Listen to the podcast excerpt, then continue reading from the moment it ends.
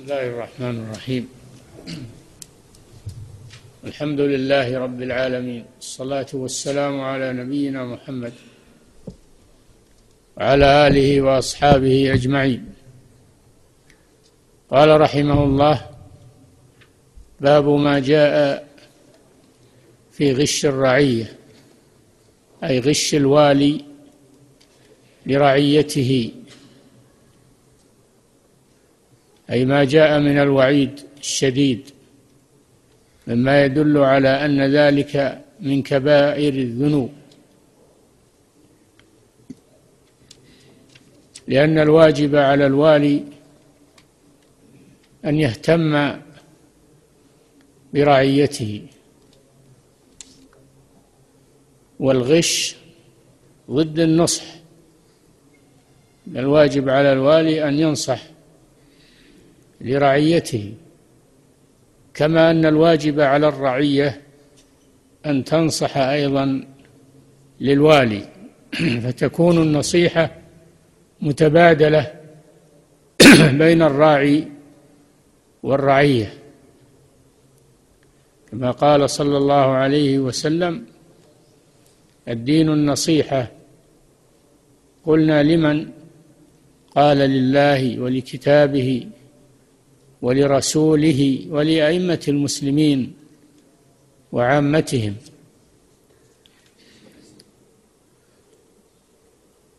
الواجب على من من ولاه الله رعية أن ينصح لها والواجب عليها أن تنصح له أيضا. تكون النصيحة متبادلة بين الوالي والرعية حتى يتم أمرهم ويستقيم شأنهم. أما إذا حصل الغش حصل الفساد في الرعية اختل الأمن وتفرقت الكلمة حصل من الأضرار الشيء الكثير. فالولاية أمانة كما سبق. الولاية أمانة كما سبق. يسأل عنها الوالي يوم القيامة كما يأتي في الأحاديث. نعم. عن معقل بن يسار رضي الله عنه مرفوعا. ما من عبد يسترعيه الله رعية يموت يوم يموت وهو غاش لرعيته إلا حرم الله عليه الجنة. وفي رواية فلم يحطها بنصيحته إلا لم يجد رائحة الجنة. أخرجاه ما من راع يسترعيه الله. الله جل وعلا هو الذي يولي الولاة لأن كل شيء هو بقضاء الله وقدره. فالله, فالله ولاه إياهم قدرا وشرعا قدرا وشرعا. الولاية منصب مهم مسؤولية عظيمة. فكون الرعية هم الذين اختاروه أو هو استولى عليهم إنما هذا بقضاء وقدر من الله. وأيضا الله شرع أيضا تولية الرعاة تولية الولاة لئلا تكون الأمور فوضى. الراعي عليه مسؤولية عظيمة يجب عليه أن يقوم بها. فمن استرعاه الله رعية من الناس فمات يوم يموت وهو غاش لرعيته إلا حرم الله عليه الجنة. هذا وعيد شديد في غش الراعي للرعية. الرواية الثانية تفسر الرواية الأولى لم يحطها بنصحه. قد علمنا أن الغش ضد النصح. الواجب على الوالي أن يسوس رعيته بما يصلحها ويدفع عنها الضرر وأن لا يسمح لأي خلل يدخل عليها. فهو معنى كونه راعي أنه مستحفظ على هذه الرعية كالراعي للغنم والراعي للمواشي لو يهملها لضاعت أو ترستها السباع. وكل راع له مسؤولية بحسبه. فهذا مما يوجب على الرعاة وولاة الأمور أن يبذلوا جهدهم فيما يصلح الرعية وأن يدفعوا عنهم ما يضرهم. فمن الغش للرعية أن يتركوا على ما يريدون وما يشتهون. كالذي يقول حرية الرأي أو الديمقراطية. هذا غش. الواجب على الوالي أن يحسم الأمر ولا يترك الأمر للرعاع والسذج يبدون آراءهم الضارة وينظر إلى أقوالهم. وإنما يأخذ الرأي من يأخذ الرأي من أصحاب الرأي والناصحين أصحاب التجربة. لا يأخذ الرأي من كل من هب ودب لأن الناس إذا أعطوا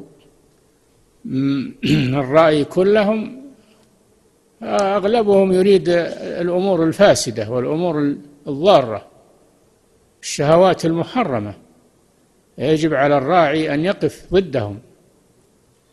وأن يسد هذا الباب ولا يترك للمفسدين مجالا. ويقول هذا من من حقهم وهذا من حرية الرأي وهذا وهذا كما نسمع الآن. الواجب على الوالي أن ينظر في المصلحة وأن يستشير أهل الرأي والمعرفة والخبرة والعلم ويحزم الأمر ولا ينظر إلى من يريدها عوجا. نعم. قال رحمه الله تعالى باب الشفقة على الرعية. نعم. وهذا أيضا من مهمات الراعي والوالي أن يشفق على الرعية وأن يرحمهم وأن لا يشق عليهم وأن ينظر فيما يجلب راحتهم. ولا يشق عليهم. ولا يرهقهم امرا يصعب عليهم كما يأتي. فهو ينظر في مصالحهم وينظر أيضا إلى ضعفائهم ومساكينهم فيرحمهم ويشفق عليهم. ولا يقتصر نظره مع الأقوياء أو مع ذوي الشان بل أيضا الضعفاء والمساكين. لهم حق ولهم رعاية هم رعية من رعيته يشفق عليهم ويرحمهم ويعطف عليهم ويدفع عنهم الضرر. ولا يسلط عليهم لا يسلط عليهم الأقوياء. بل إنه يكون نائبا عنهم فيما فيما يرفق بهم ويصلح شانهم. نعم. وقول الله تعالى واخفض جناحك للمؤمنين. قول الله تعالى لنبيه محمد صلى الله عليه وسلم والنبي راع هو أول الرعاة وأول الولاة عليه الصلاة والسلام. وكل من يأتي بعده فإنه يخلفه في هذا المنصب منصب الولاية.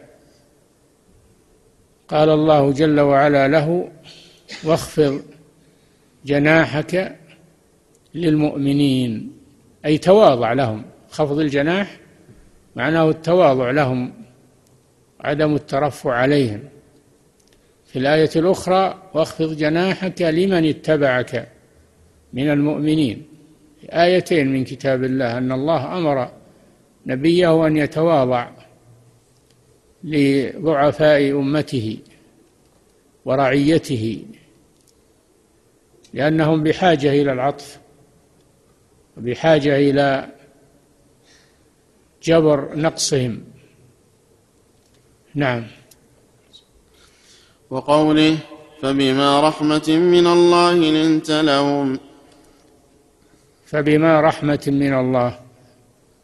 الباء حرف جر وما هذه دخلت عليها. فبما هذه الماء هذه حرف حرف صلة. حرف صلة والأصل فبرحمة من الله. فبرحمة من الله. ولذلك صار الاسم مجرورا بالباء. ولم تمنعه ما من الجر. فبما رحمة من الله. الله جل وعلا هو الذي جعل هذه الرحمة في قلبك. لنت لهم أي لأصحابك. لنت لهم استمعت لرأيهم واستشرتهم فهذا من الرحمة التي جعلها الله في قلب نبيه محمد صلى الله عليه وسلم. فيجب على الولاة من بعده أن يقتدوا بذلك وأن يلينوا يلينوا لرعاياهم يخفضوا لهم جناح التواضع وأن يلينوا لهم في القول وفي العمل. لنت لهم ولو كنت فظا والفظ معناه الشديد في الذي في قلبه شدة و ولو كنت فظا غليظ القلب لم فضوا من حولك. فكونه صلى الله عليه وسلم يلين لهم سبب لاجتماعهم تألفهم والتفافهم حول ولي أمرهم. وأما الفظاظة والغلظة فإنها سبب لنفورهم من ولي أمرهم. فهكذا ينبغي لولاة الأمور أن يتصفوا بهذه الصفة النبوية العظيمة. وهذا وجه سياق المصنف رحمه الله لهاتين الآيتين في هذا الباب. لأجل أن يقتدي الولاة برسول الله صلى الله عليه وسلم. كما قال الله جل وعلا لقد كان لكم في رسول الله أسوة حسنة. نعم. ولمسلم عن عائشة رضي الله عنها مرفوعا اللهم من ولي من أمر أمتي شيئا فشق عليهم فاشقق عليه. ومن ولي من أمر أمتي شيئا فرفق بهم فارفق به. نعم وهذا الحديث فيه أن النبي صلى الله عليه وسلم دعا للولاة. من شق على رعيته أن الله يشق عليه لأن الجزاء من جنس العمل عقوبة له. وأن من ولي أمرهم ورفق بهم واقتدى بالنبي صلى الله عليه وسلم فإن الله يرفق به فإن الجزاء من جنس العمل. فهذا فيه الحث على أن ولي الأمر يتجنب الأمر الذي يشق على الرعية من أوامره وتدبيراته وسياسته وأن يتحرى الرفق دائما وأبدا ويأخذ بما هو الأرفق.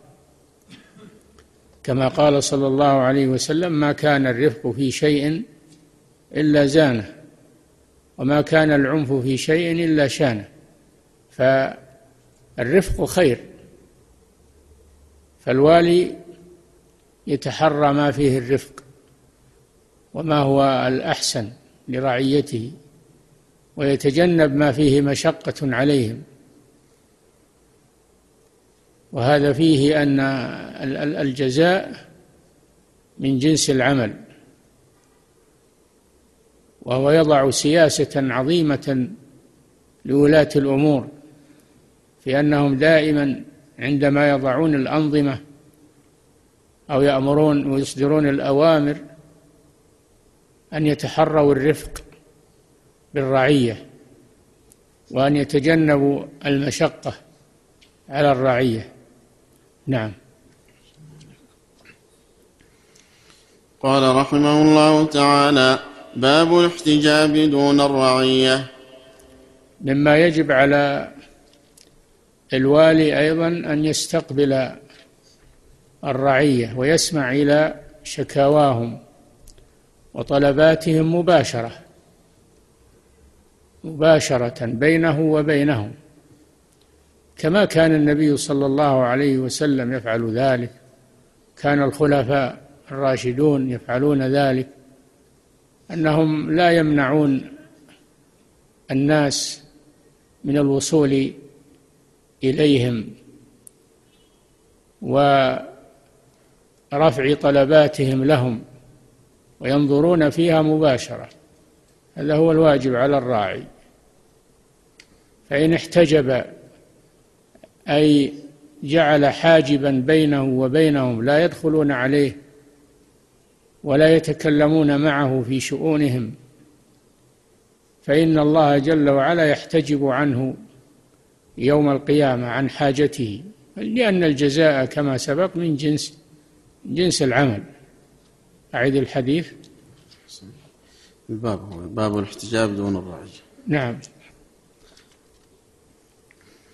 عن أبي مريم الأزدي رضي الله عنه أنه قال لمعاوية سمعت رسول الله صلى الله عليه وسلم يقول من ولاه الله شيئا من أمور المسلمين فاحتجب دون حاجتهم وخلتهم وفقرهم. خلت سم؟ خلتهم. من ولاه الله شيئا من أمور المسلمين فاحتجب دون حاجتهم وخلتهم وفقرهم. احتجب الله دون حاجته وخلته وفقره يوم القيامة. فجعل معاوية رجلا على حوائج الناس. رواه أبو داود والترمذي ولأبي داود عن عمرو بن مرة الجهني نحوه وصححه الحاكم. نعم هذا الحديث فيه أن هذا الصحابي نصح معاوية رضي الله عنه لما ولاه الله أمور المسلمين صار أمير المؤمنين. فهذا فيه أن ولي الأمر تبذل له النصيحة من قبل العلماء. فهذا الصحابي نصح لولي الأمر وروى له حديثا عن النبي صلى الله عليه وسلم. بلغه إياه. هذا فيه أن أنه يجب على العلماء أن يبلغوا ولي الأمر الأحاديث الخاصة بالولاة لأجل أن أن يمتثلوها وأن يناصحوا ولاة الأمور. وهذا يكون مباشرة مع ولي الأمر يخاطبه به بينه وبينه. لا أنه يتكلم بهذا غائبا عنه. فإن هذا لا يجدي شيئا بل يجر شرا. تكون النصيحة بين الوالي وبين الناصح سرا بينه وبينه. فهذا الحديث فيه أن هذا الصحابي بلغ معاوية رضي الله عنه ما ورد عن رسول الله صلى الله عليه وسلم أن من ولاه الله أمر المسلمين احتجب دون حاجتهم وخلتهم والخلة فتح الخاء شدة الحاجة. احتجب الله عنه يوم القيامة عن حاجته وخلته. لأن الجزاء من جنس العمل والناس يعرضون على رب العالمين يوم القيامة ويجازيهم على أعمالهم في الدنيا. يعرض الولاة والرعايا والأفراد يعرضون على الله سبحانه وتعالى يجازي كلا بعمله ويحاسبه. فلذلك معاوية رضي الله عنه جعل ناظرا ينظر في حوائج الناس ينوب عنه في ذلك. هذا فيه أن ولي الأمر إذا لم يستطع مباشرة كل أعمال الناس وأعمال الرعية لا بأس أن يقيم من يثق به ومن فيه الكفاءة ليحل مشاكل الناس. ففيه اتخاذ الوزراء الصالحين الذين يساعدونه على مهام الرعية لأنه بشر. يعجز عن مباشرة كل أمور الناس خصوصا إذا كثرت رعيته مثل معاوية رضي الله عنه إنه تولى على المسلمين عموما في على وجه الأرض. تولى عليهم عموما لذلك احتاج إلى من يعينه على مهام الولاية. نعم. قال رحمه الله تعالى باب المحاباة في الولاية. مما يجب على ولي الأمر أيضا أنه يولي الأعمال الاكفى من الناس الذين يقومون بها ولا يحابي لا يحابي فيها احدا صديقا أو قريبا لا يحابي بالولايات من لا يقوم بها بل الولاية أمانة. كما قال الله جل وعلا إن الله يأمركم أن تؤدوا الأمانات إلى أهلها أي أن تسندوا الأمور إلى من يقوم بها على الوجه المطلوب. فالوظائف التي تحت نظر ولي الأمر هي أمانات اؤتمن عليها. فيجعل في كل آه، عمل من يصلح له من الأكفياء الثقات. ولا يحابي أحدا من الناس وهو لا يصلح لهذا الأمر. وإنما يريد نفعه بهذا العمل. هذا أمر لا يجوز وهذا يفسد السياسة. ويفسد أحوال الرعية إذا تولى مهام الناس غير أكفياء ضاعت الأمور دخلها الغش والغدر والقصور. فهذا فيه أن ولي الأمر يختار للمناصب من يقوم بها على الوجه المطلوب دون نظر إلى قرابته أو إلى صداقته أو إلى محبته له. وإنما يولي الأمور من يقوم بها. هذا من النصح للرعية. نعم.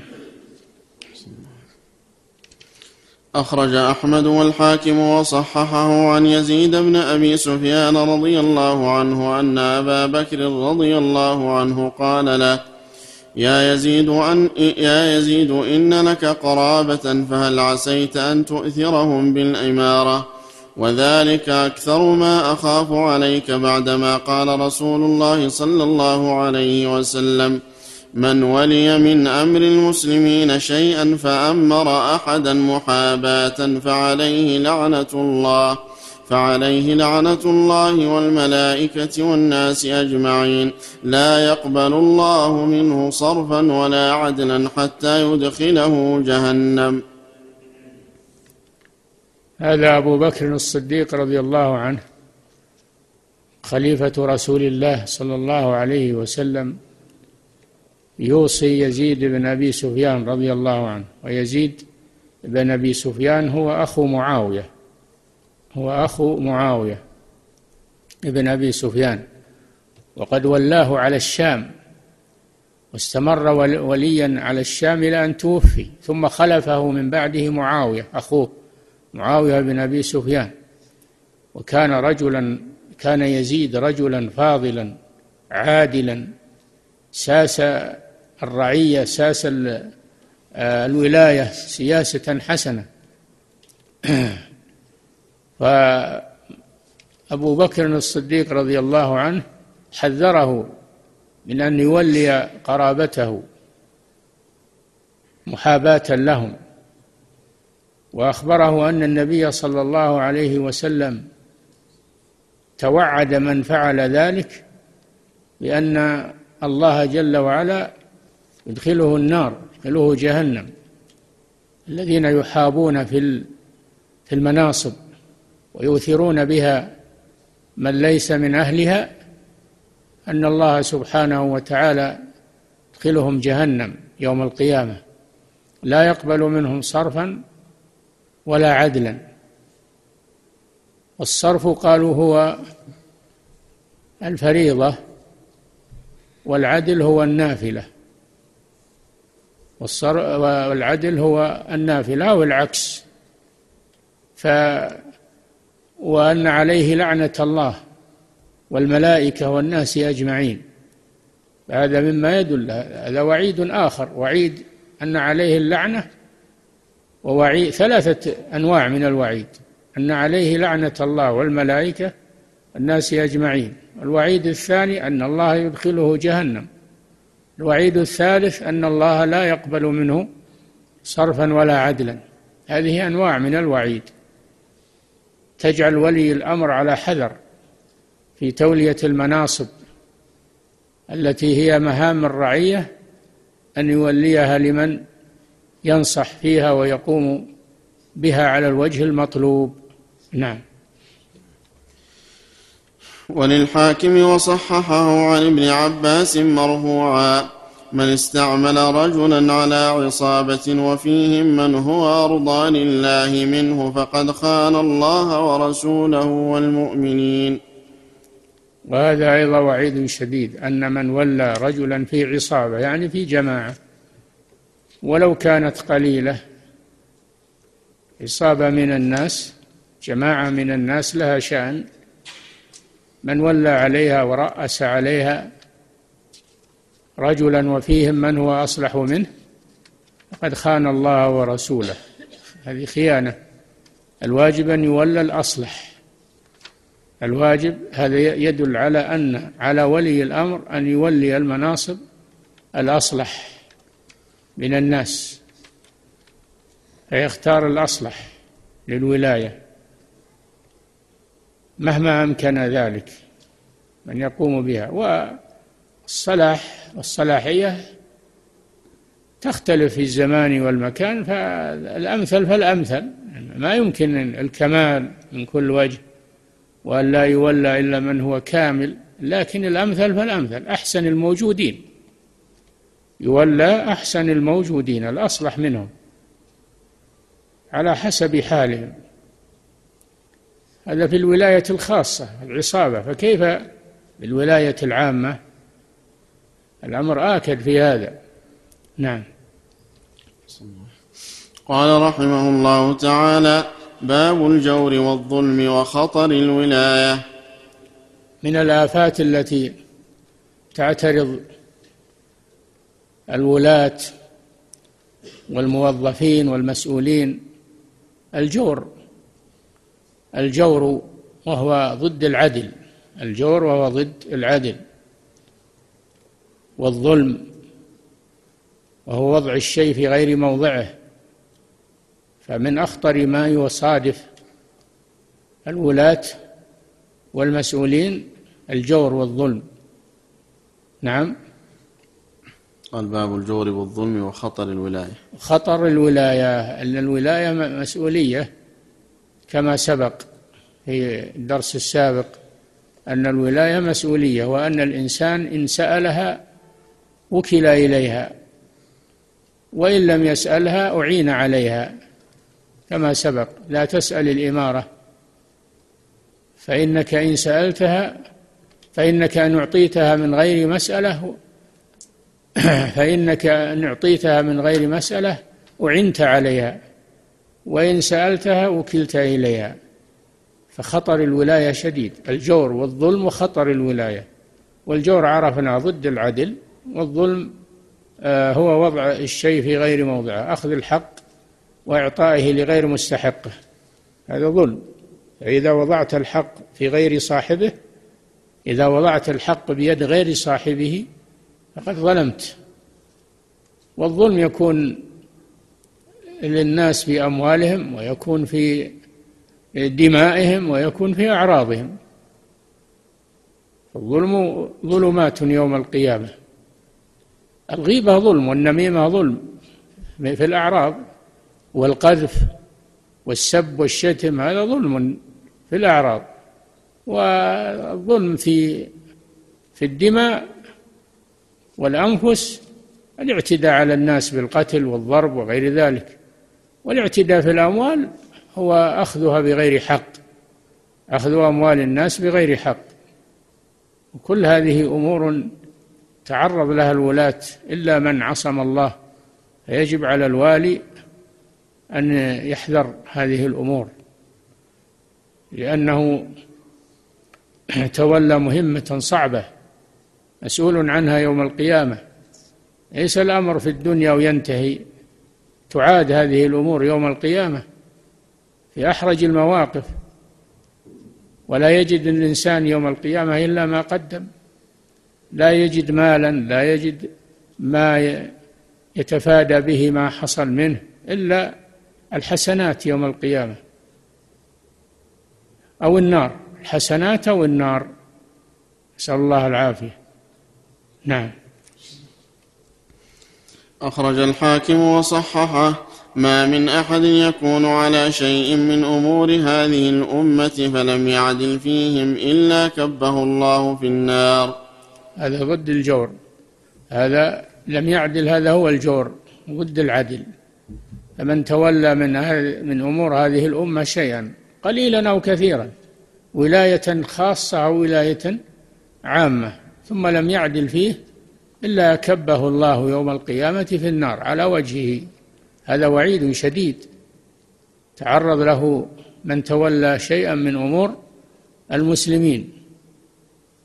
حتى ولو كان وظيفة صغيرة وتحتها مسؤولية والناس يراجعونك وهذه مسؤولية. عليك بالعدل وعدم الجور. وقضى حوائج الناس وعدم تأخيرها. والمشقة عليهم. نعم. ولهما عن معاذ رضي الله عنه مرفوعا. اتق دعوة المظلوم فإنه ليس بينها وبين الله حجاب. لما بعث النبي صلى الله عليه وسلم معاذ بن جبل إلى اليمن معلما وقاضيا وداعيا إلى الله عز وجل أوصاه بوصية.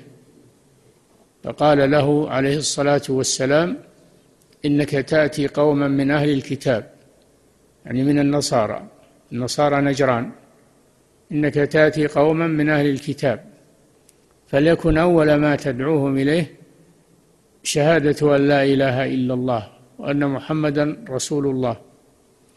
فإنهم أجابوك لذلك فأعلمهم أن الله افترض عليهم خمس صلوات في اليوم والليلة. فإنهم أجابوك فأعلمهم أن الله افترض عليهم صدقة تؤخذ من أغنيائهم ترد على فقرائهم. ثم قال صلى الله عليه وسلم وإياك وكرائم أموالهم واتق دعوة المظلوم. هذا محل الشاهد من الحديث. اتق دعوة المظلوم فإنه ليس بينها وبين الله حجاب. فهذا فيه أن ولي الأمر إذا ولى أحدا على أمر من أمور الرعية أنه يتقي دعوة المظلومين لا يظلم أحدا. حتى ولو كان في الرعية من هم غير مسلمين كالنصارى واليهود من هم غير مسلمين ممن يدفعون الجزية ولهم عهد عند المسلمين فلا يجوز ظلمهم. ولو كانوا غير مسلمين. قال الله سبحانه وتعالى ولا يجرمنكم شنآن قوم أن صدوكم عن المسجد الحرام أن تعتدوا. وتعاونوا على البر والتقوى ولا تعاونوا على الإثم والعدوان. اتقوا الله إن الله شديد العقاب. قال سبحانه وتعالى ولا يجرمنكم شنآن قوم على ألا تعدلوا. اعدلوا هو أقرب للتقوى. فواجب العدل واجب العدل وإذا قلتم فاعدلوا ولو كان ذا قربى واجب العدل لا سيما الولاة الأمور والمسؤولين يجب عليهم العدل بين الناس وعدم الجور عليهم والظلم وأخذ أموالهم بغير حق. حتى الذي يجبي الزكاة الذي يجبي الزكاة لا يأخذ أكثر مما يجب إلا بطيبة من نفس الدافع طيبة من نفس الدافع ولا يأخذ الكريمة من الأموال يعني الجيدة. كما أنه لا يأخذ الردي ولا إنما يأخذ المتوسط. يأخذ من في الزكاة من متوسط الأموال. لا يأخذ الجيد إلا بإذن صاحبه ورضاه ولا يأخذ الردي لأن هذا يضر الفقراء بل يأخذ المتوسط. هذا هو العدل. قال ليس بينها وبين الله حجاب أنها لا ترد دعوة المظلوم لا ترد ولو كان كافرا. فإن الله ينتصر للمظلوم إما عاجلا وإما وإما آجلا. نعم. ولمسلم عن عدي بن عميرة رضي الله عنه مرفوعا. من استعملناه على عمل فكتم منه مخيطا فما فوقه كان غلولا يأتي به يوم القيامة. مخيطا غلولا هنا شيخ. مخيطا. آه المخيط آلة نعم. آلة الخياط. نعم. أعيد. من استعملناه على عمل فكتم منه مخيطا فما فوقه كان غلولا يأتي به يوم القيامة. نعم الواجب على جباة الزكاة الذين يوليهم وهم السعاة يسمون السعاة والجباة يوليهم ولي الأمر جباية الزكاة وقبضها من أصحاب الأموال. الواجب عليهم أن لا يأخذوا شيئا من الناس من باب الهدية أو من باب الرشوة. فإن من أخذ شيئا سواء أخذها من الناس أو أخذها من الزكاة بدون إذن ولي الأمر. إن أخذها من الناس فهي رشوة وإن أخذها من المال الذي جباه فهذا غلول. هذا يعد من الغلول. فإذا أخذ من مال الزكاة فهو كمن أخذ من مال الغنيمة قبل قسمتها دون إذن ولي الأمر. فإن هذا غلول ولهذا قال صلى الله عليه وسلم هدايا العمال غلول. هدايا العمال وهم الذين يجبون الزكاة. إذا أخذوا الهدايا إذا أخذوا الهدايا من الناس فإن هذا من الغلول ومن الرشوة. وقد استعمل رجلا يقال له ابن اللتبية على الزكاة فجاء بالزكاة وقال هذا لكم وهذا أهدي إلي.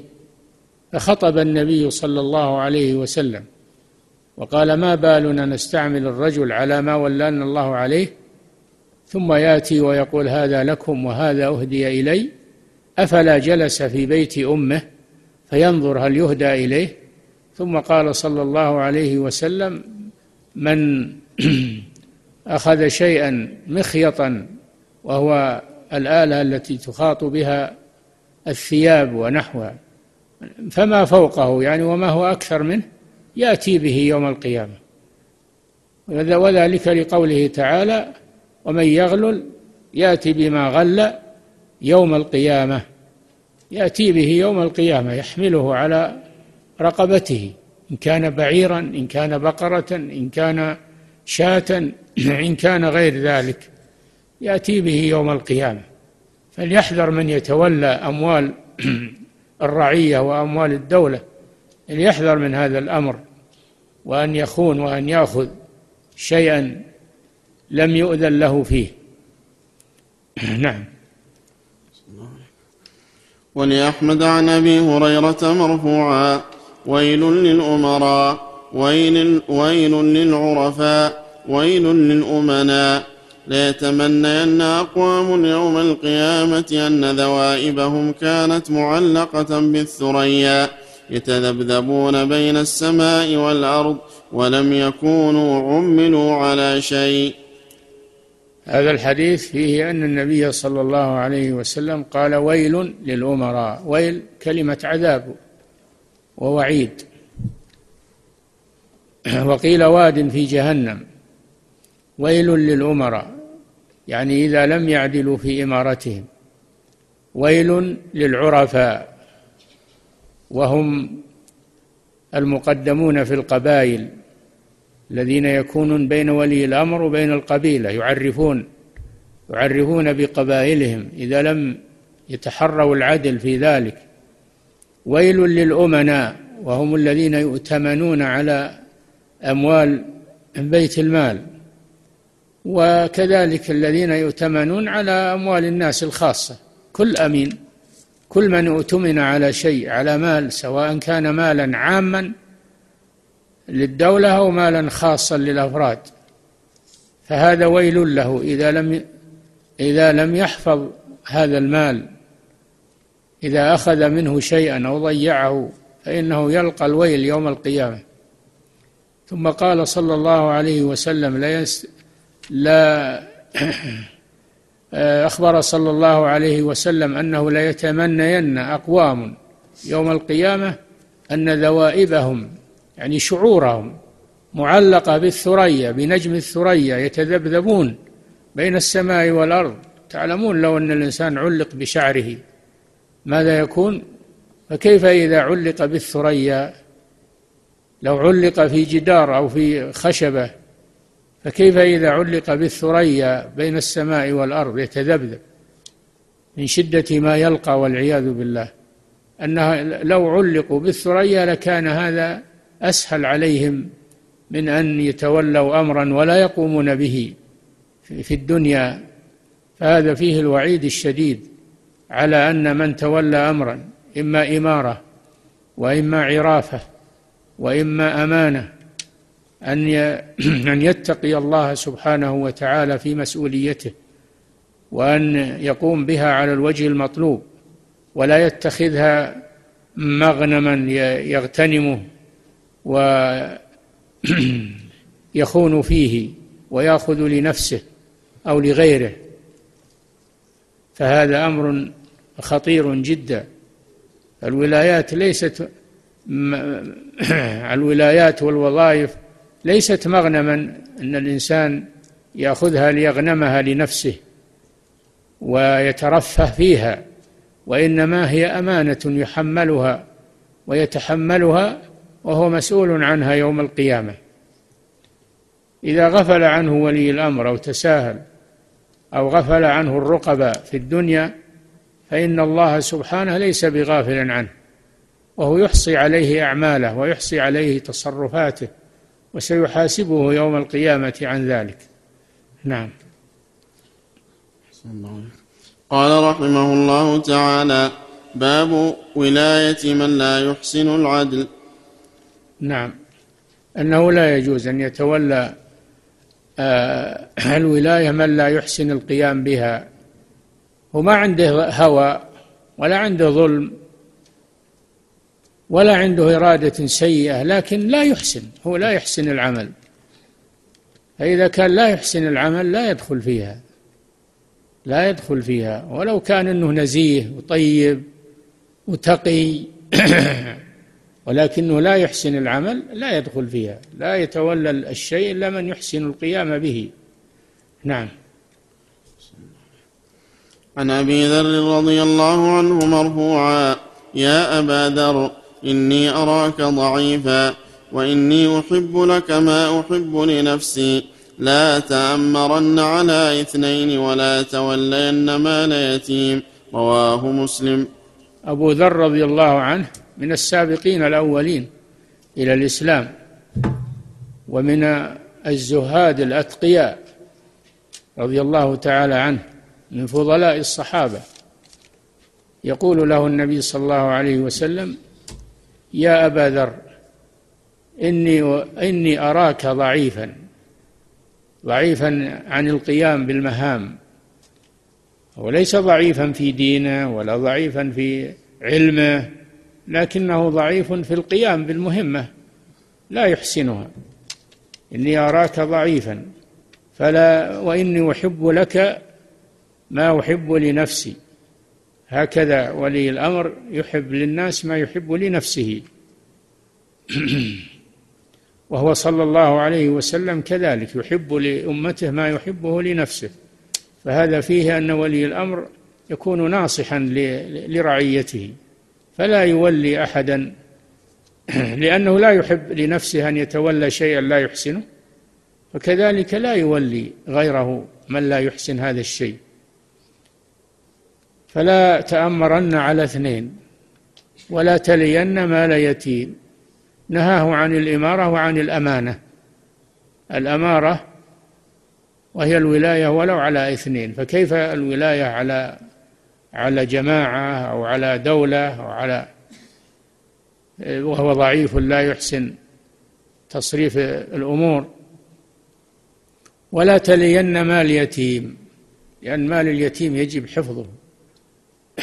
يجب حفظه ولا تؤتوا السفهاء أموالكم التي جعل الله لكم قياما ارزقوهم فيها واكسوهم قولوا لهم قولا معروفا وابتلوا اليتامى حتى إذا بلغوا النكاح فإن آنستم منهم شيء رشدا فادفعوا إليهم أموالهم ولا تأكلوها إسرافا وبدارا أن يكبروا فأموال اليتامى لا يجوز تركها وتضيع يجب حفظها وأن يتولى عليها من هو من هو كفء لحفظها وتنميتها ورعايتها لا يتولاها الضعيف الذي لا يحسن التصرف في الأموال.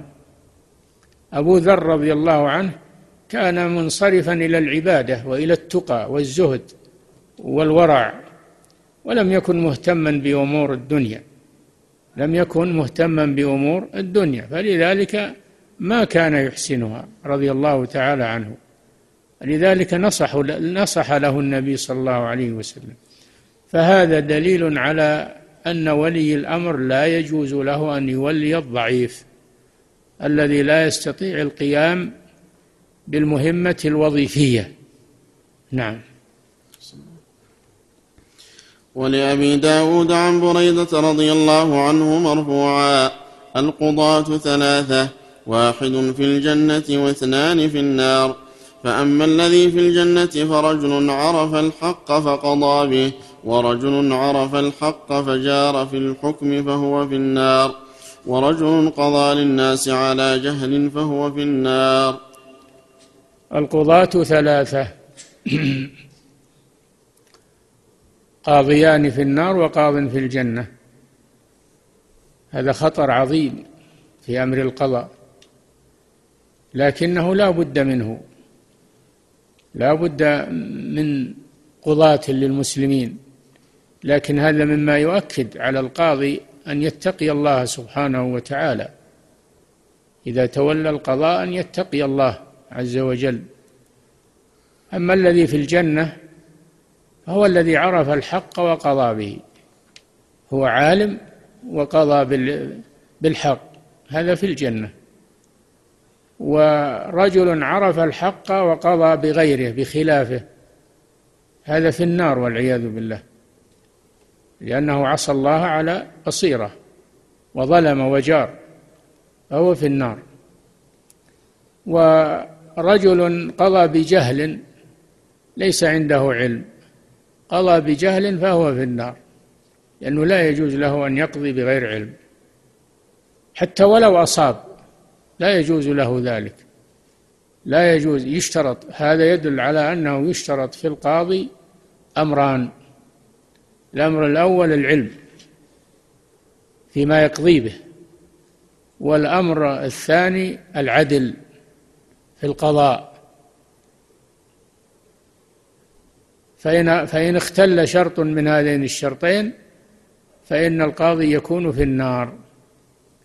إن فقد العدل ووجد العلم فهو في النار. إن فقد الاثنين فهو في النار.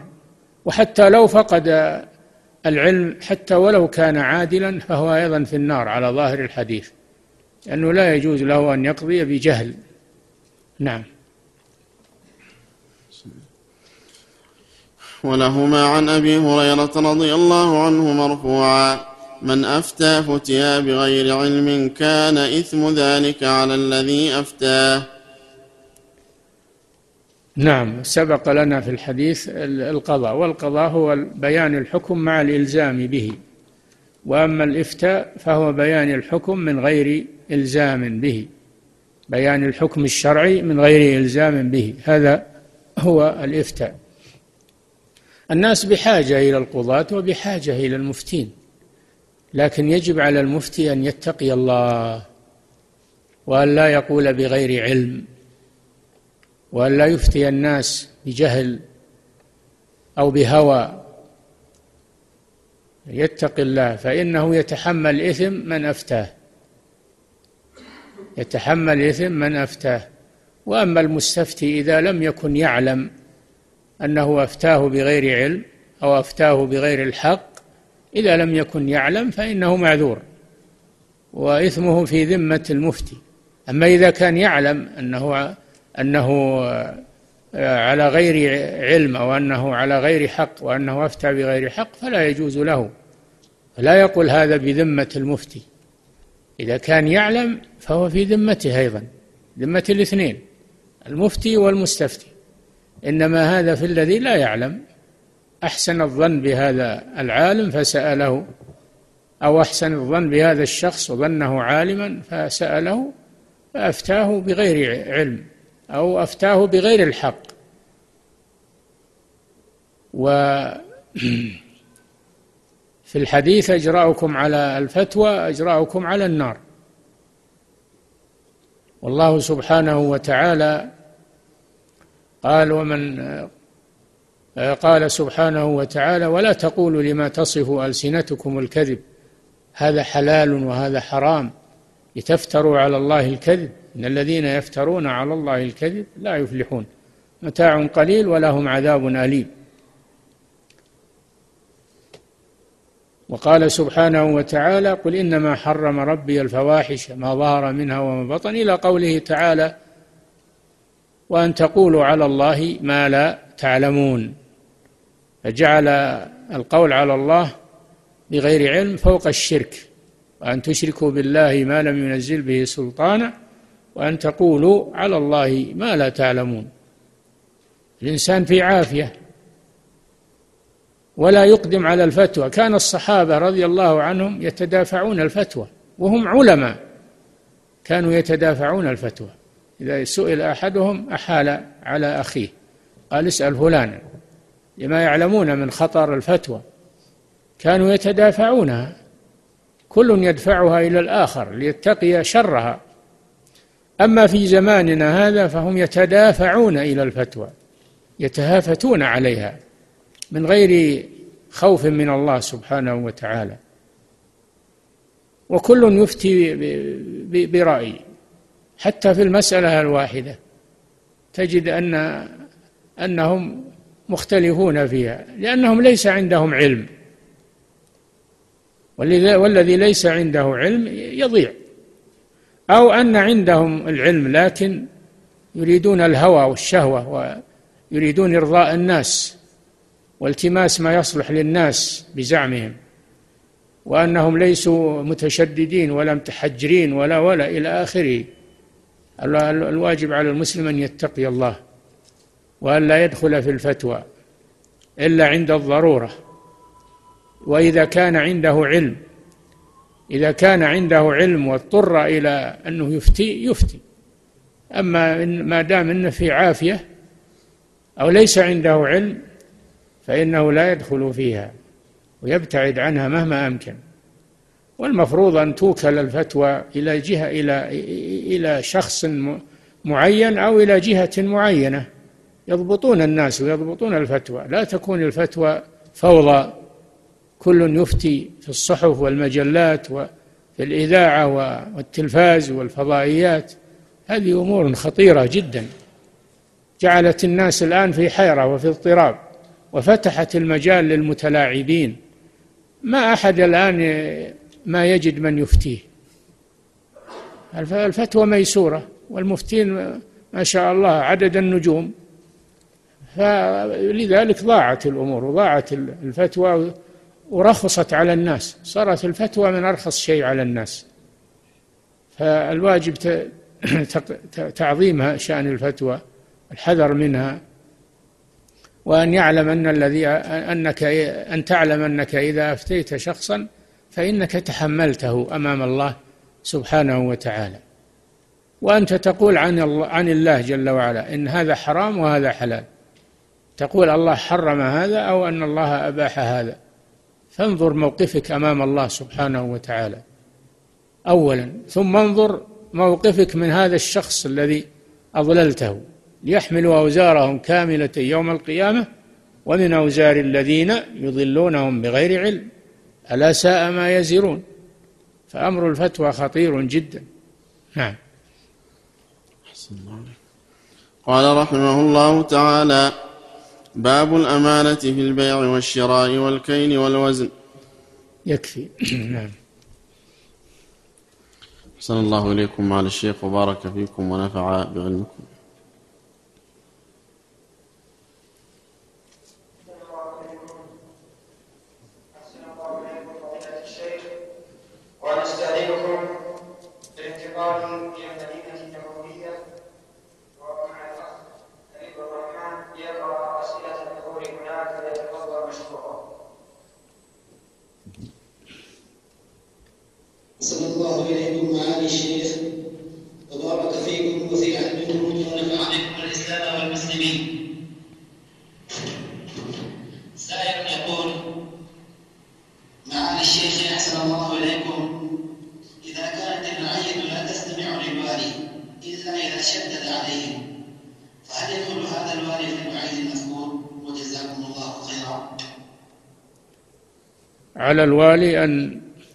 أن يتقي الله سبحانه وتعالى وأن يتخذ الإجراءات السليمة مع الرعية.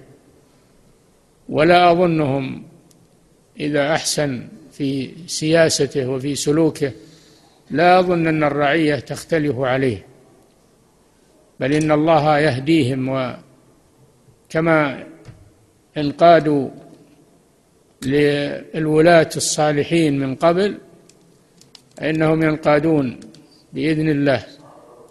ولكن إذا ساء تصرف ولي الأمر ساءت تصرفات الناس. نعم. صلى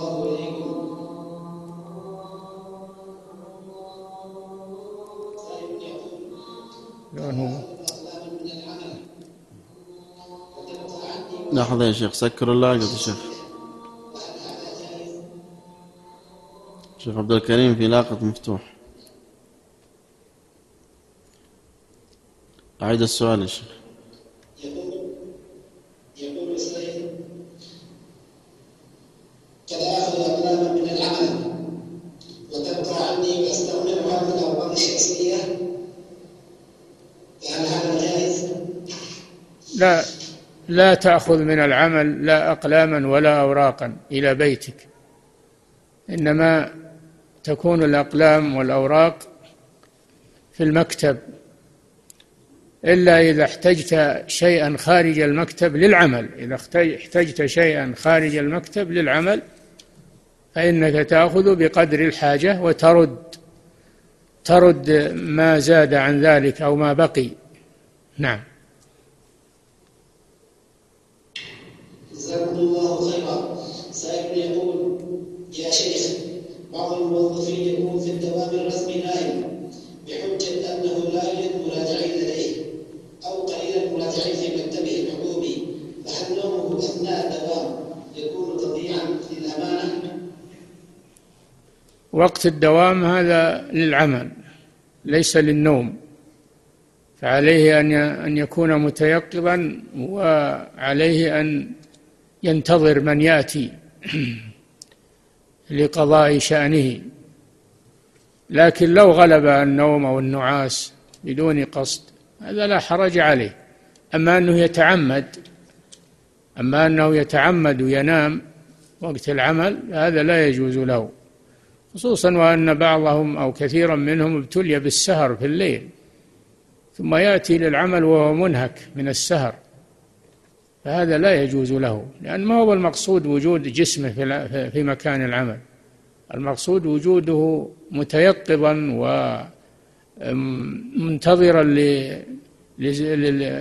للمراجعين وأن يشتغل بأعمال الوظيفة. نعم. أحسن الله إليكم. فضيلة الشيخ يكثر في بلادنا الاختلاف بين القبائل على الأراضي فهل إذا عرف أن المنطقة الفلانية ديار بني فلان ومساكنهم على التاريخ يملكون المنطقة بحيث يحرم يحرم اعتداء أي قبيلة أخرى على أراضيهم وهل يدخلون في عموم عموم لعن لعن الله من غير منابع الأرض وعموم من ظلم قيد شبر إلى آخره وهل اعتبار المنطقة ديار للقبيلة الفلانية له أصل في الشرع وجزاكم الله خيرا هذا سؤال طويل أخذ علينا الوقت ولكن هذه مسألة قضائية الخلافات والنزاعات في الأموال والأراضي هذه يرجع فيها إلى المحاكم المحاكم الشرعية. نحن لا ندري عن حقيقة الأمر. أما ما سألت عنه من تغيير المراسيم وحدود الممتلكات هذا أمر محرم. وقد لعن النبي صلى الله عليه وسلم من غير منار الأرض وفسروا منار الأرض بأنها المراسيم التي تكون بين أملاك الناس المراسيم التي تنصب على حدود أملاك الناس إذا أفرزت الحقوق وصرفت الطرق ووضعت هذه المراسيم فلا يجوز تغييرها فمن غيرها فهو ملعون. نعم. أحسن الله إليكم. هل يحب للمسلم أن يشارك في الانتخابات التي أجرى في هذا العصر؟ وخصوصا أنه يعلم أن رئيس الدولة الذي سيثبت له لا يطبق الشريعة الإسلامية. الانتخابات ليست من إجراءات المسلمين إنما هي من إجراءات الغرب. المسلمون عندما يولون وليا فإن الذي يختاره أهل الحل والعقد منهم. أهل الحل والعقد يختارون الوالي والبقية تبع لأهل الحل والعقد. هذا نظام الإسلام في الولايات تولي آه، الولاة. أنهم يبايعه أهل الحل والعقد من العلماء والأمراء ومن لهم شأن في ورأي في, في الناس. وأما البقية الرجال والنساء والعوام فإنهم والقبائل فإنهم تبع لأهل الحل والعقد. نعم. أحسن الله إليكم. ما حكم تطبيق المحارم في الجسد عند الاستقبال؟ في بعض الأماكن تقبيل المرأة ذات الرحم قبلها على رأسها قبلها على رأسها ولا يقبلها في خدها أو في أو على فمها أو في مواضع الفتنة وإنما يقبلها على رأسها. نعم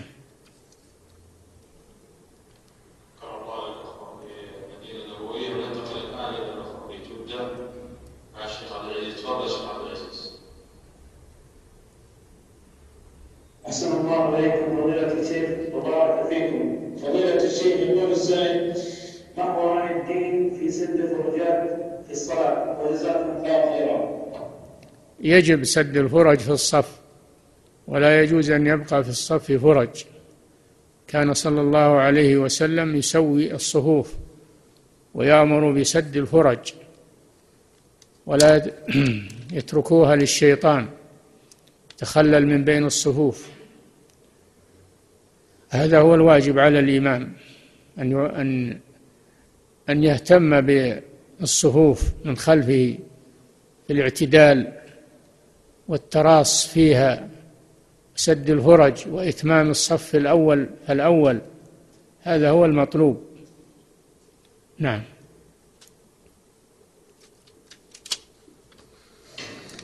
أحسن الله إليكم فضيلة الشيخ يقول السائل أمر توفي وترك ثروته وعرف الورثة أنه تاجر مخدرات هل يجوز هل يجوز للورثة الأخذ من هذا الميراث وجزاكم الله خيرا الذي يرى أنه حرام لا يأخذ منه والذي لا يعلم لا بأس. الذي لا يعلم أنه حرام فالأصل الحل. أما الذي يعلم أن هذا المال حرام فلا يأخذ منه. نعم.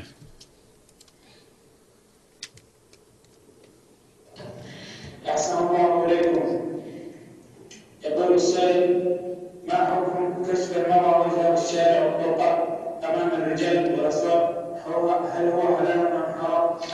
هو حلال أم حرام؟ الله خيرا.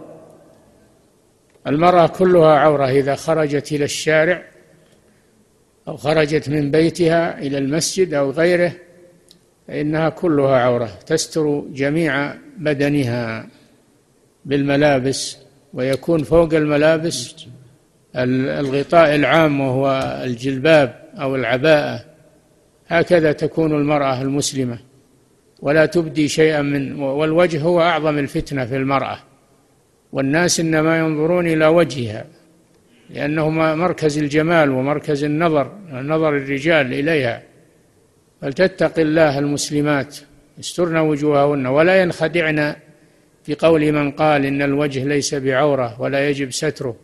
هذا قول خاطئ مخالف للأدلة من الكتاب والسنة. ومخالف أيضا للحشمة. كل امرأة تعلم إن, إن, إن وجهها عورة. كل امرأة تعلم هذا. والرجال يعلمون أن الوجه فتنة. لكن يخادعون ويراوغون وإلا كل يعلم أن وجه المرأة لا سيما الجميلة والشابة أنه فتنة. وما دام أنه فتنة فيجب ستره. سبحان الله تستر قدميها وأصابعها ولا تستر وجهها. من يقول هذا؟ نعم. أكمل الأسئلة يا شيخ أحسن الله لكم فضيلة الشيخ ما رأى فضيلتكم من الأدعية التي تردد التي تردد طيلة شهر رمضان في صلاة الوتر نرجو من فضيلتكم ردا وافيا وجزاكم الله خيرا. إيش يقول؟ أعد أعد السؤال ما رأي فضيلتكم بالقائمة العريضة من الأدعية التي تردد تردد طيلة شهر رمضان في صلاة الوتر نرجو من فضيلتكم ردا وافيا وجزاكم الله خيرا. القنوت في الوتر في رمضان وغيره. القنوت في الوتر في رمضان وغيره سنة. وورد في دعاء القنوت حديث الحسن بن علي رضي الله عنه أن النبي صلى الله عليه وسلم علمه آه، دعاء القنوت. اللهم اهدني فيمن هديت وعافني فيمن عافيت وتولني فيمن توليت إلى آخر الحديث وهو ليس بالطويل. وإذا اختار أدعية إذا اختار أدعية من الكتاب والسنة أو موافقة لما في الكتاب والسنة فلا بأس زيادة على ما ورد إلا أنه لا يطيل بحيث يشق على المأمومين. لا يطيل الدعاء ويختار الأدعية الجوامع. ولا يطيل الدعاء يشق على المأمومين لأن النبي صلى الله عليه وسلم أمر بمراعاة المأمومين أيكم أما الناس فليخفف فإن فيهم الكبير والضعيف والمريض وذا الحاجة فإذا صلى لنفسه فليطول ما شاء. فالإمام يراعي أحوال المأمومين ويختار من الأدعية أجمعها وأخصرها نعم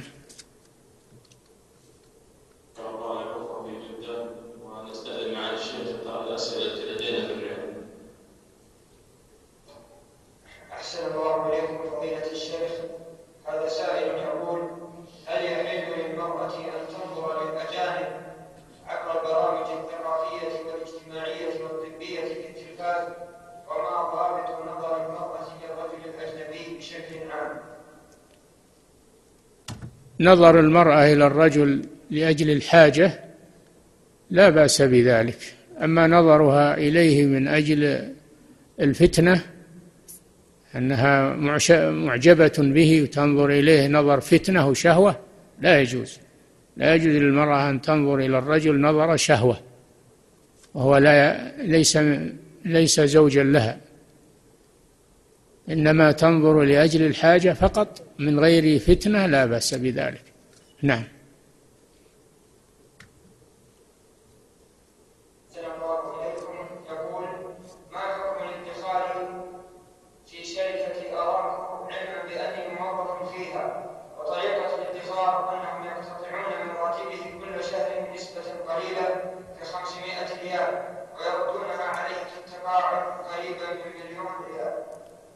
هذا صدر فيه فتوى من اللجنة الدائمة بتحريم المساهمة في الادخار لأنه ربا. يأخذون منك نقودا قليلة ثم يضيفون إليها زيادة. هذا ربا. نعم. ويتاجرون بها يتاجرون بها يتاجرون فيها بالربا. يقتطعون من رواتب الموظفين ويتاجرون فيها بالربا والبنوك ثم يردون على صاحبها المبلغ وزيادة من الربا الذي حصلوا عليه. هي لا تجوز. أما لو كانوا يأخذونها من راتبك ويتاجرون بها متاجرة مباحة يتاجرون بها متاجرة مباحة هذه مضاربة تعتبر مضاربة لا بأس بذلك. لكن الواقع أنهم يضاربون بها في البنوك بالفوائد الربوية ثم يعطونك بعض فوائدها ومع رأس مالك والباقي يأخذونه. نعم.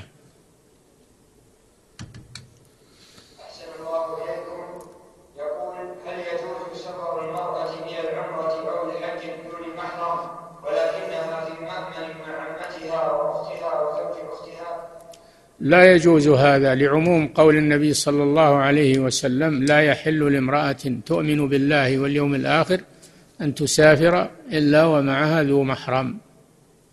هذا عام في من كانت مع جماعة ومن كانت وحدها. الحديث عام والذي يدعي أنها إذا صارت مع جماعة لا تحتاج إلى المحرم من أين له التخصيص؟ يأتي بدليل صحيح يخصص هذا العموم. هذا من ناحية. الناحية الثانية أن رجلا جاء إلى النبي صلى الله عليه وسلم يريد أن يكتتب في الغزو في سبيل الله وأخبر النبي صلى الله عليه وسلم أن امرأته خرجت حاجة فقال له ارجع فحج مع امرأتك. أرجعه من الغزو ليحج مع امرأته مع أن امرأته مع الركب مع الركب من الصحابة حاجين. ولم يكتفي صلى الله عليه وسلم بأنها مع جماعة بل أرجع زوجها من الغزو ليصحبها. نعم.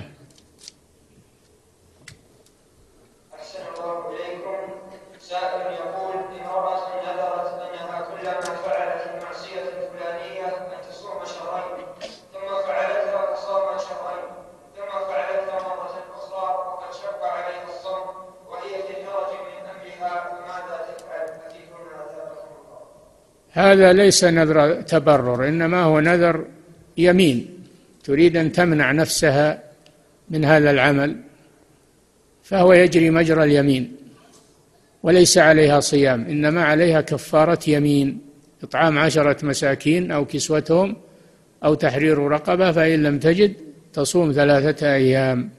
نعم.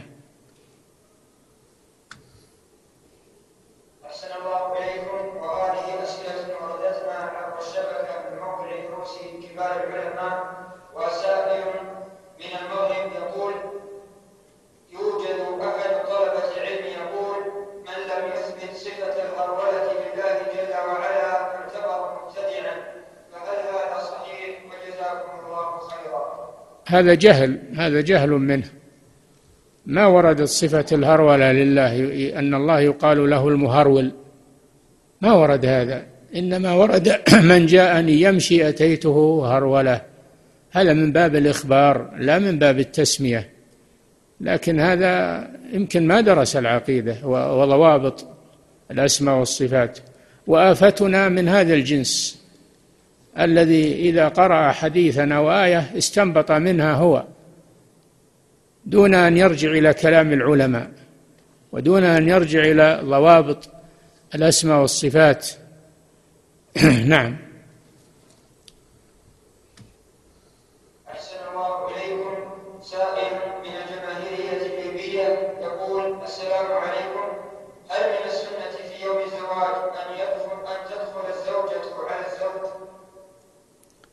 هذا أمر موكول إليهم هي تدخل عليها وهو يدخل عليها الأمر سهل في هذا. نعم.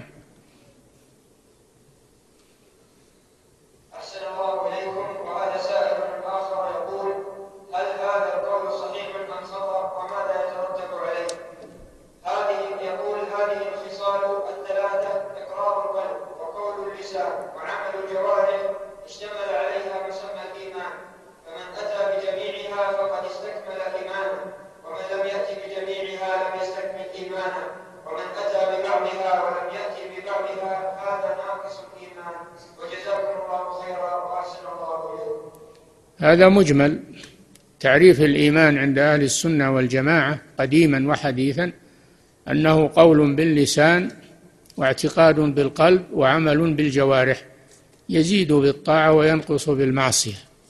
فالعمل داخل في الإيمان لكن ليس كل من ترك شيئا من العمل يكون كافرا أو ينسلب يسلب عنه الإيمان. الأعمال تختلف. إن ترك الصلاة إنه يكون كافرا.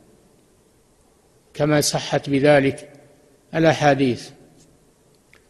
أما بقية الأعمال فتركها ينقص الإيمان مثل لو يكذب لو يظلم لو يسرق لو هذا لا يكفر بذلك إنما يكون ناقص الإيمان. فالأعمال منها ما تركه كفر ينافي الإيمان ومنها ما تركه ينقص الإيمان ولا ينافيه.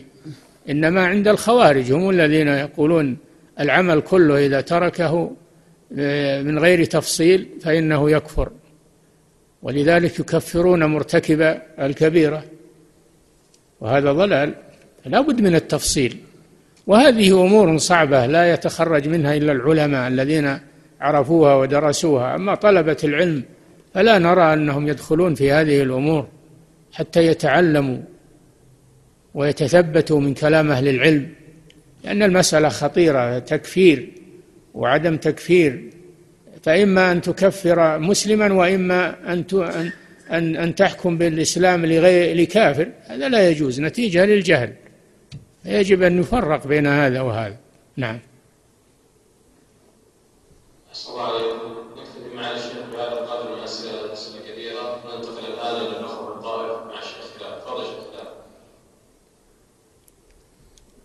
أحسن الله إليكم معالي الشيخ وبارك فيكم ونفع بعلمكم. هذا سائل يقول كيف نرد على من يقول أن هذه الدروس التي تتعلق بولاة الأمر تعد من النصيحة لهم علانية هذه حديث الرسول صلى الله عليه وسلم ونحن نشرحها وليست من من مسبة ولاة الأمور إنما هي تبليغ للعلم فقط. نعم. أحسن الله إليكم. يقول السائل شخص يطوف على مسجد الحسين وهو جاهل من أمره هل هذا شرك أكبر أم شرك أصغر؟ الطواف بغير الكعبة طواف على القبور إن كان يطوف لله ناويا أن هذا الطواف لله يظن أنه مشروع هذا بدعة لأن الله لم يشرع لنا الطواف إلا بالبيت العتيق. فمن طاف لله يتعبد لله بمكان غير البيت العتيق فهو مبتدع. أما إذا طاف يتقرب إلى القبر يطوف لصاحب القبر ويتقرب إليه هذا شرك أكبر لأنه صرف نوعا من أنواع العبادة لغير الله سبحانه وتعالى.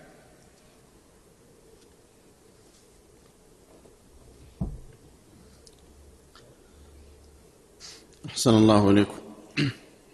سائل يقول رجل قلنا له أن حفلات الزواج التي يوجد بها منكر لا يجوز الحضور فيها إلا إذا كان يستطيع أن يغير المنكر فقال أنتم عطلتم الإنكار بالقلب فما جوابكم على قوله وكيف يكون الإنكار بالقلب؟ الإنكار بالقلب يفارق يفارق المكان لو كان منكرا بقلبه لم يجلس معهم في الحفل. يفارق المكان ويبتعد عن المنكر. هذا الإنكار بالقلب. نعم. أحسن الله إليكم. تكملة للسؤال. يقول أنكرت على أحد طلبة العلم تعاطيه للغيبة فقال لي لا تشدد علينا فإن الغيبة داء العلماء.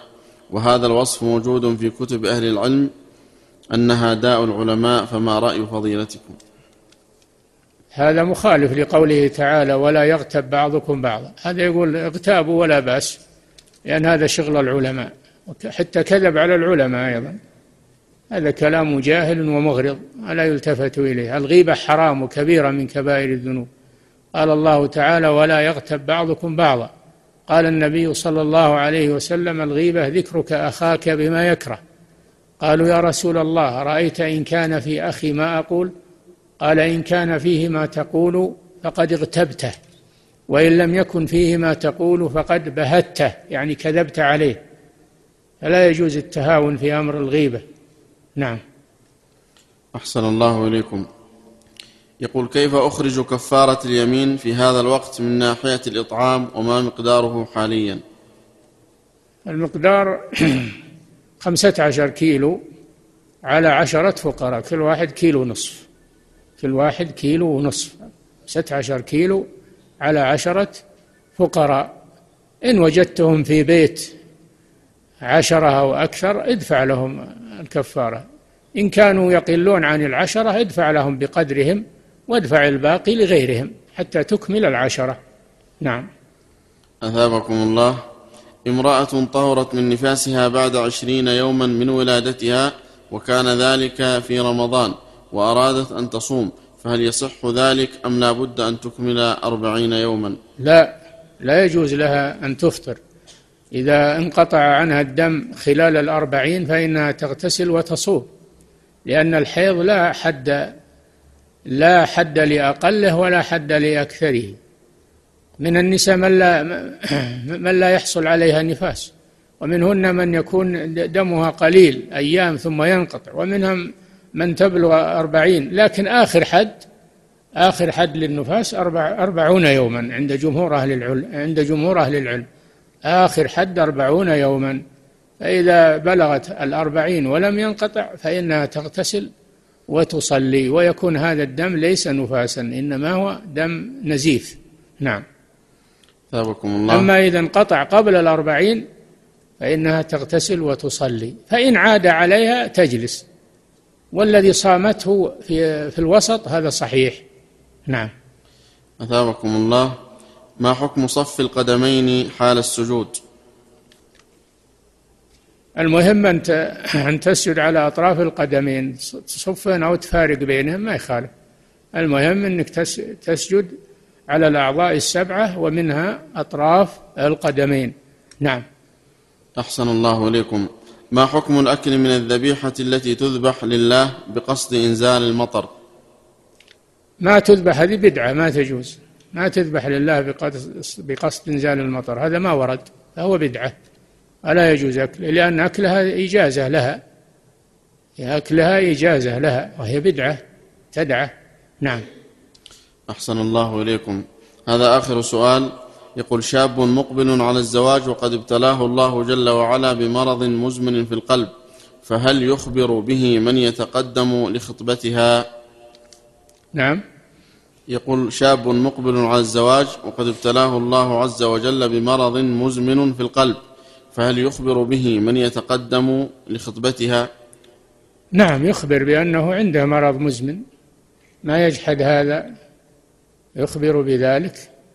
هذا من باب الصدق لأن لو لم يخبرها وتبين في مرض وهو لم يخبرها به يخشى أن تفسخ منه.